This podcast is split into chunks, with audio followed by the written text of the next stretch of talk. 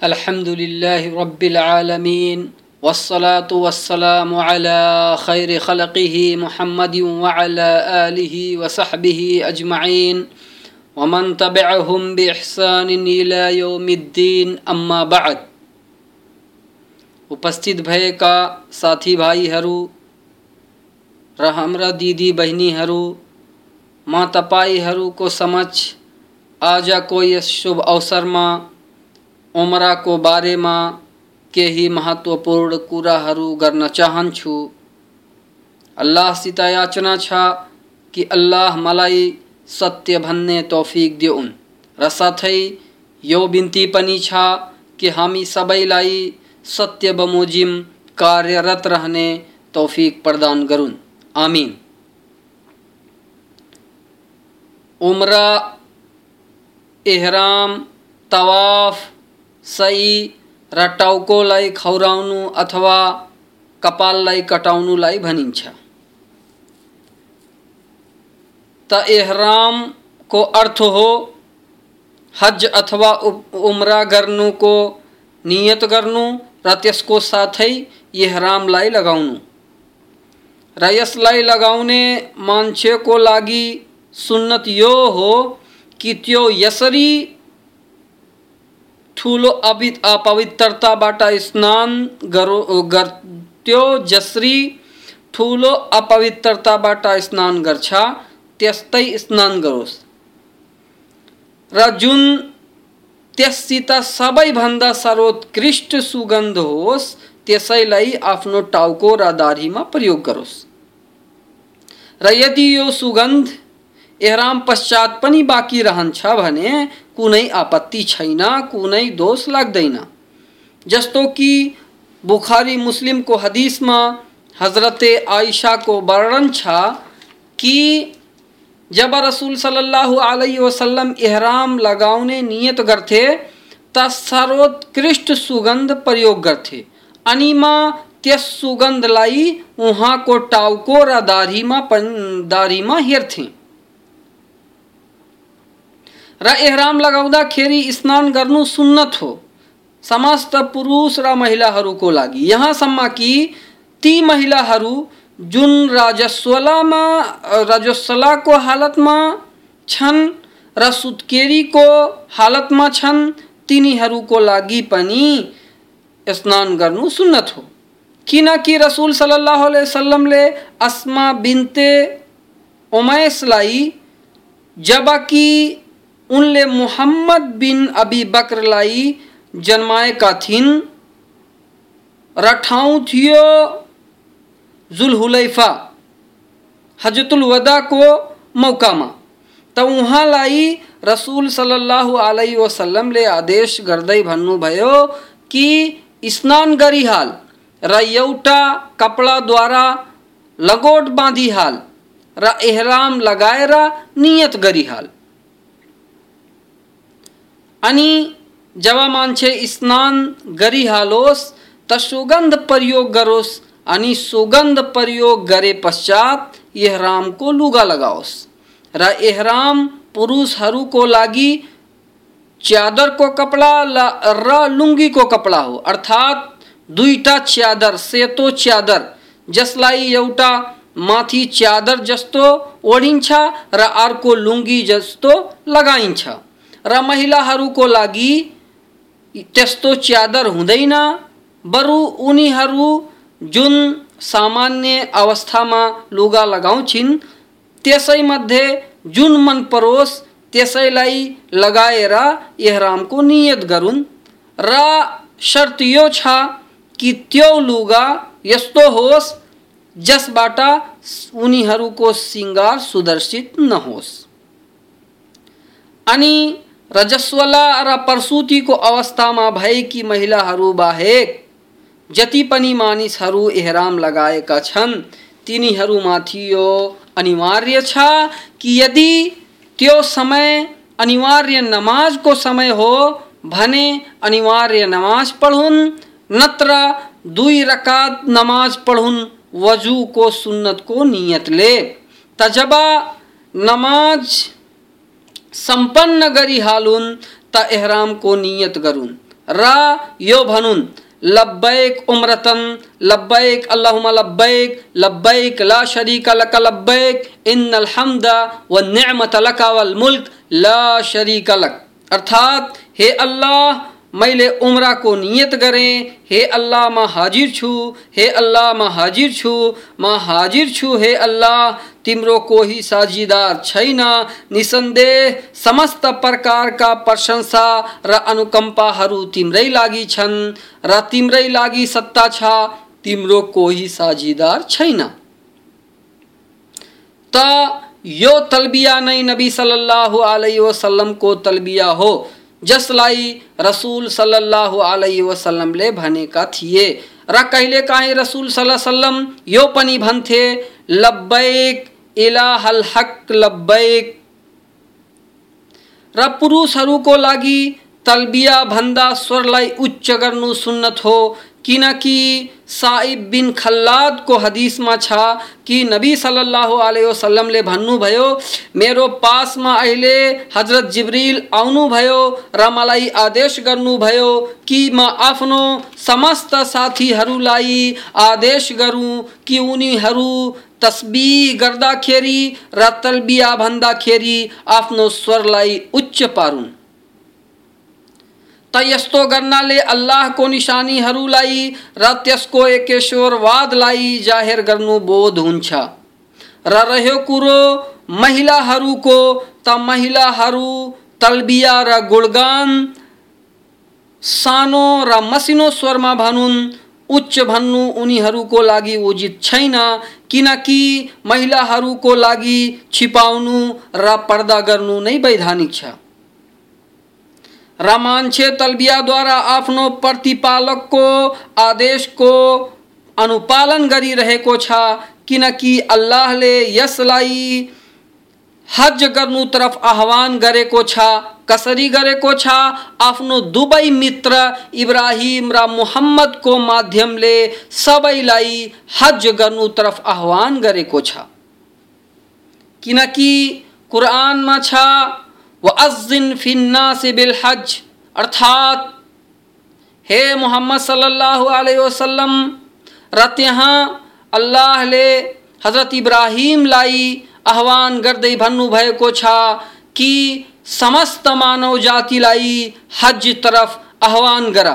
र यदि एहराम लगाउने व्यक्ति कुनै यस्तो कुराबाट भए मानोस्, जुन त्यसलाई हज गर्नुबाट बाध्य गर्न सक्छ, जसरी रोग, शत्रु, विलम्ब आदि, त त्यसको लागि सुन्नत यो छ कि नियत गर्दाखेरि यो शर्त लगाओस् कि यदि मलाई कुनै कुराले बाधित गर्यो भने म त्यसै ठाउँमा हलाल भइहाल्छु, जस ठाउँमा मलाई यो बाधित गर्छ।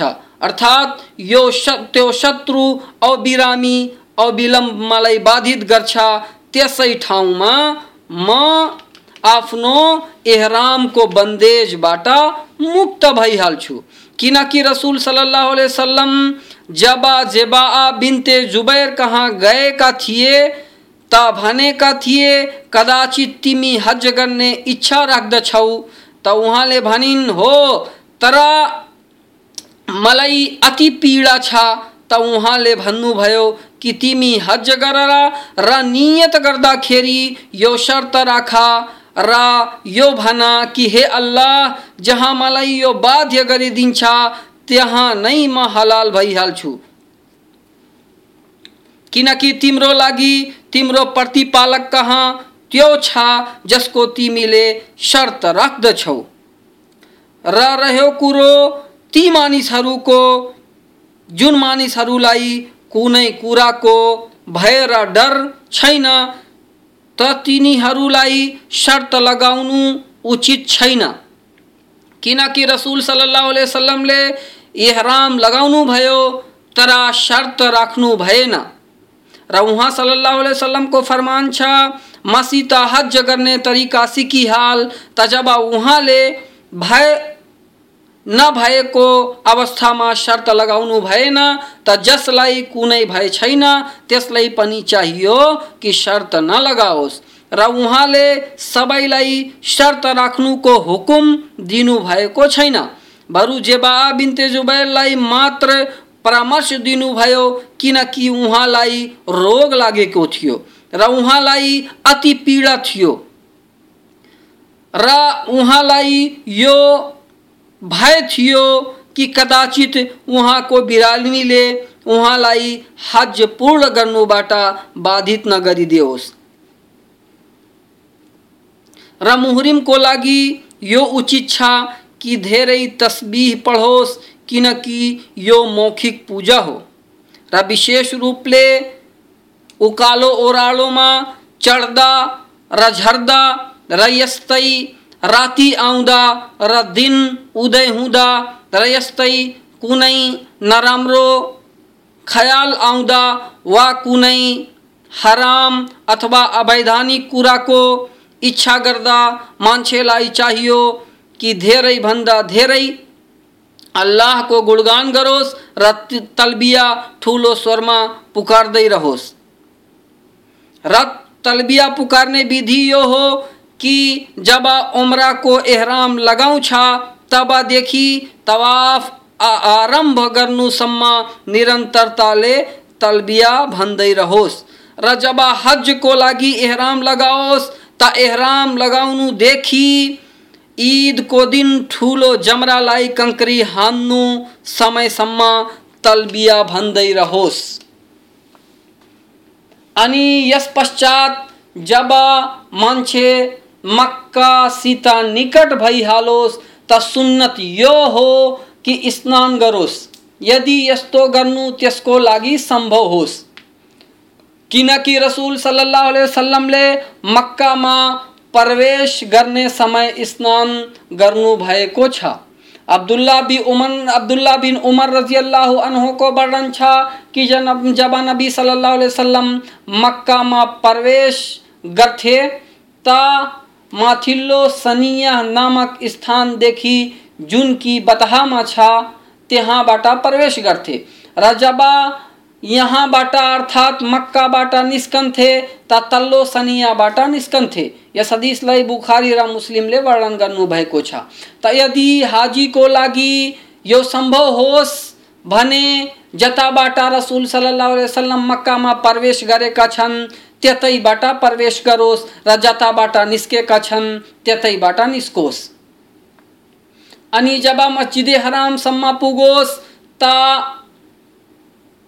त्यसमा प्रवेश गर्नुको निम्ति आफ्नो दायाँ पाइलालाई अगाडि बढाओस् र भनोस्, बिस्मिल्लाह, वस्सलातु वस्सलामु अला रसूलिल्लाह, अल्लाहुम्मा अगफिरली जुनूबी वफ्तह ली अबवाब रहमतिका। अऊज़ु बिल्लाहिल अज़ीम व बेवजहिल करीम व बेसुल्तानिहिल कदीम मिनश शैतानिर रजीम र पूर्ण आस्था श्रद्धा सद्भाव को साथ र अल्लाह को महानतालाई सम्झना गर्दै र त्यसले गरेको अनुपं अनुकम्पाको सम्झना गर्दै जसले गर्दा त्यो त्यसको यस घरसम्म पुगेको छ प्रवेश गरोस्।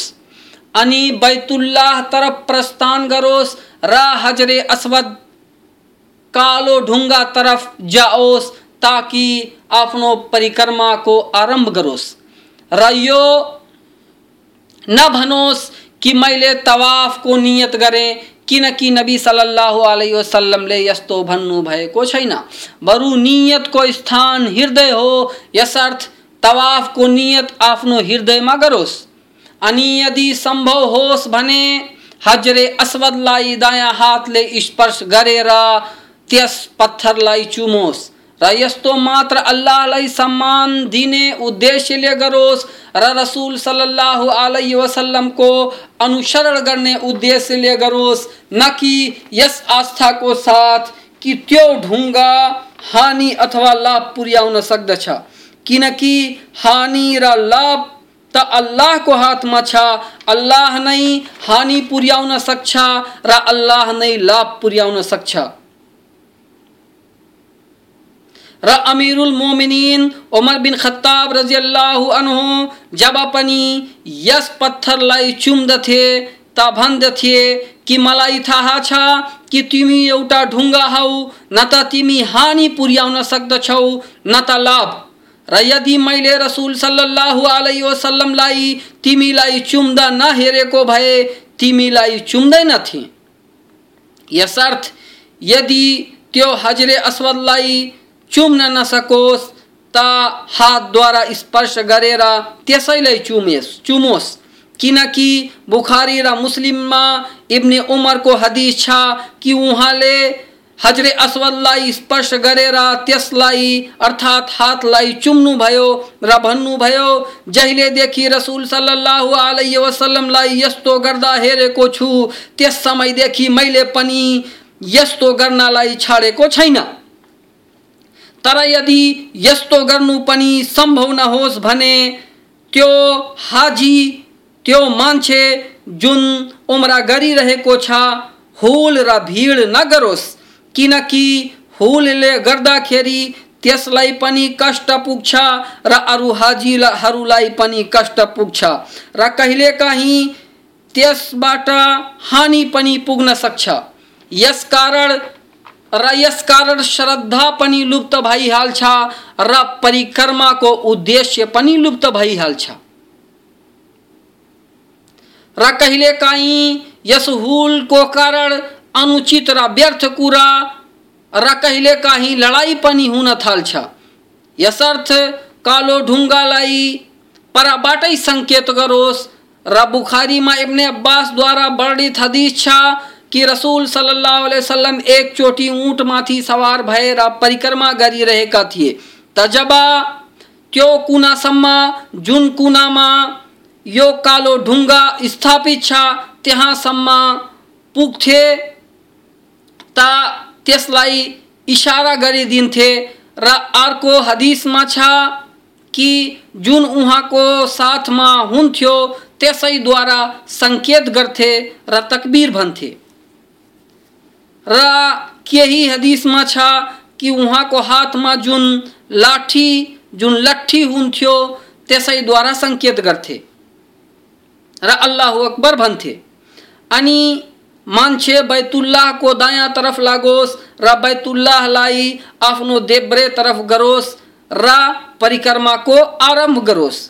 र परिक्रमा गर्दै जब रुक्ने यमानी, यमनी कुनासम्म पुगोस् त त्यसलाई स्पर्श गरोस्। तर स्पर्श गरे पश्चात आफ्नो हातलाई नचुमोस् किन किनकि यहाँ चुम्नु दुरुस्त छैन। तर यदि त्यसलाई स्पर्श गर्नु, अर्थात् रुक्ने यमानीलाई स्पर्श गर्नु सम्भव नहोस्, त हुल नगरोस् भिड नगरोस् कसैलाई कष्ट नपुर्याओस् र बैतुल्ला मध्ये रुक्ने यमानी र हजरे अस्वद बाहेक कुनै अरू कुनालाई अथवा बैतुल्लाहको पर्खाललाई स्पर्श नगरोस् किनकि यी दुवै इब्राहिमले राखेको जगमाथि नै हुन्। र यस कारण पनि कि रसुल सल्लाह वसलमले यी दुवै अर्थात् रुक्ने यमानी र हजरे अस्वद बाहेक, कुनै अरू कुनालाई स्पर्श गरेका छैनन्। न त बैतुल्लाहको पर्खाललाई र त्यसमाथि लगेको गिलाफलाई नै स्पर्श गरेका छन्। र इमाम अहमदले एउटा हदिस वर्णन गरेका छन् जसमा इमाम मुजाहिद हज़रत इब्ने अब्बासको माध्यमले वर्णन गर्छन् हज़रत इब्ने अब्बास को वर्णन छ कि इब्ने अब्बास हज़रत मुआविया को साथ काबाको परिक्रमा गर्नुभयो अनि हज़रत मुआविया समस्त कुनाहरूलाई अर्थात् काबाका समस्त कुनाहरूलाई स्पष्ट गर्न थाले। त हज़रत इब्ने अब्बासले भन्नुभयो कि तिमीले यी दुवै कुनालाई किन स्पर्श गर्यौ? अर्थात्, रुक्ने यमानी र हजरे अस्वद बाहेक अर्को दुवै कुनालाई किन स्पर्श गर्नुभयो जबकि रसुल सल्लाह वसल्लमले यसलाई स्पर्श गरेका छैनन्। त हज़रत मुआवियाले भने काबाको कुनै पनि स्थान छाड्ने योग्य छैन। त इब्ने अब्बासले भन्नुभयो लकद कान लकुम फ़ी रसुलिल्लाह उस्वतुन हसना। निसन्देह रसुल सल्लल्लाहुमा तिम्रो लागि सर्वोत्तम आदर्श राखिएको छ। त हज़रत मुआवियाले भन्नुभयो हो, तपाईँले सत्य भन्नुभयो र हाजी रुकने यमानी र हजरे असवद बीच, यो दुआ पढ़ोस। रब्बना आतिना फि दुनिया हसनतम व फिल आखिरति हसनतम व किना अजाबन्नार। अर्थात, हे अल्लाह, मलाई, यसलोक र परलोक दुवै ठाउँमा भलाइ प्रदान गर र हामी सबैलाई नरकको आगोबाट सुरक्षित राख। र हाजी जहिले पनि हजरे असवदबाट गुजरोस्, त्यस्तै गरोस् जसरी पहिलो पटक गरेको थियो। र तकबीर भनोस् र अरू पूर्ण तवाफमा जुन चाहोस्, दुआ गरोस्। र अल्लाहको महानताको गुणगान गरोस्। यस्तै सफ़ा मरवाको दौडमा पनि अल्लाहको गुणगान गरोस्। र यस्तै कङ्करी हान्दा पनि अल्लाहको महानताको वर्णन गरोस्। किनकि यी सबै अल्लाहको सतुति र गुणगान गर्ने उद्देश्यले नै अनिवार्य गरिएका छन्। र मान्छेको लागि, यस पहिलो तवाफमा जसलाई तवाफे कुदुम भनिन्छ पूर्ण तवाफमा इस्तिबा गर्नु, र पहिला तीन चक्रमा रमल गर्नु सुन्नत हो। इस्तिबाको अर्थ हो मान्छे आफ्नो दायाँ काँधालाई खुल्ला गरी, त्यसको तलाबाट च्यादरलाई लैजाओस् अनि च्यादरका दुवै कुनालाई बायाँ काँधामाथि हालोस्। र रमलको अर्थ हो, तीव्रता तीव्रताले पाइलालाई नजिक नजिक राखेर हिँड्नु। र परिक्रमा सात चक्र छन् जसलाई हजरे अस्वदबाट आरंभ गरिन्छ र त्यसैमा त्यसको अन्त्य पनि गरिन्छ। त जब सात चक्र पूर्ण भइहालोस्, त मान्छे मुकामे इब्राहिम तरफ़ प्रस्थान गरोस्। अनि त्यस निकट त्यस पछाडि दुई रकत नमाज़ पढोस्, यदि त्यस निकट संभव नहोस् भने अली पर गएर नमाज़ पढोस्। अथवा मस्जिद हराममा जुनसुकै स्थानमा नमाज़ पढ्न सक्छ पहिलो रकतमा सुरतुल फातिहा पश्चात कुलिया अयुहल काफिरून पढोस्, र दोसरो रकत रकतमा सुरतुल फातिहा पश्चात कुलहु अल्लाह पढोस्। अनि हजरे अस्वदतिर फर्केर आओस्, यदि संभव होस् त त्यसलाई स्पर्श गरोस् नत्र मात्र सङ्केत गरोस् अनि मसआ सही गर्ने ठाउँ तरफ़ प्रस्थान गरोस्। अनि जब सफ़ा नजिक भइहालोस् त यो पढोस्, इन्न सफ़ा वल मर्वत मिन शाइरिल्लाह। पूर्ण श्लोक र यस बाहेक कुनै अरू ठाउँमा यस श्लोकलाई नपढोस् अनि सफामाथि यति चढोस् कि काबालाई हेर्न सकोस्। अनि त्यसैतर्फ अनुहार गरेर, आफ्नो दुवै हात उठाएर अल्लाहको गुणगान गरोस्। र जे मन परोस्, याचना गरोस्। र रसुल सल्लाह वसलमले यस ठाउँमा, जुन दुवा गरेका थिए, त्यसको अर्थ हो, अल्लाह बाहेक कोही सत्य पूज्य छैन, त्यो एक्लै छ, त्यसको कोही साझीदार छैन, त्यसको लागि सत्ता र प्रशंसाहरू छन्, र त्यो प्रत्येक कुरामा सामर्थ्यवान छ।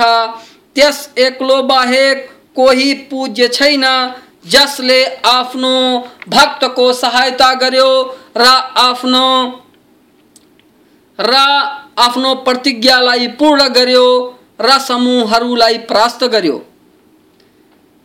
यस दुवालाई तीन पटक पढ्नु अति उचित छ।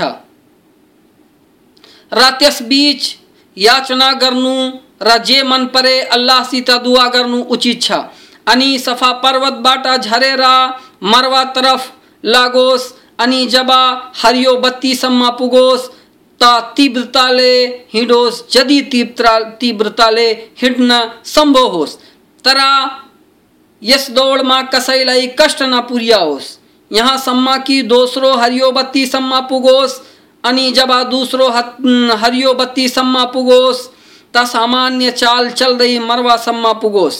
अनि त्यसमाथि चढोस् र त्यस्तै गरोस् र त्यस्तै दुवाहरू गरोस्, जसरी त्यसले सफामा गरेको थियो। अनि मरवाबाट सफ़ा तरफ़ लागोस्, र सामान्य चाल चल्ने स्थानमा सामान्य चाल चलोस्, र तीव्र गतिले दौड लगाउने ठाउँमा तीव्र गतिले चढे चलेर दौड लगाओस् जसरी की पहलो पटक गरे को थियो। रब्बा की सही माँ जुन मन परोस, दुआ करोस व अल्लाह को गुणगान करोस व अल्लाह को अल्लाह को सतुति करोस व कुरान पढ़ोस, जुन मन परोस, त्यही गरोस। तजबा सात चक्र पूर्ण गरी हालोस र पूर्ण गरी हालोस, र यो ज्ञात रहोस, कि सफ़ा देखी मरवा सम्मा एक चक्र भयो, र मरवा देखी समा सम्मा, सफ़ा सम्मा दोस्रो चक्र भयो। त्यो यस्तो न सोचोस् कि सफ़ा देखी मरवा सम्मा गएर अनि सफ़ा सम्मा आएर मात्र एक चक्कर भयो। बनियो बरु यो दुई चक्र भयो। अनि यदि पुरुष मान्छे हो भने कपाल कटाओस् वा खौराओस्। र कपाल खौराउनु नै श्रेष्ठ छ।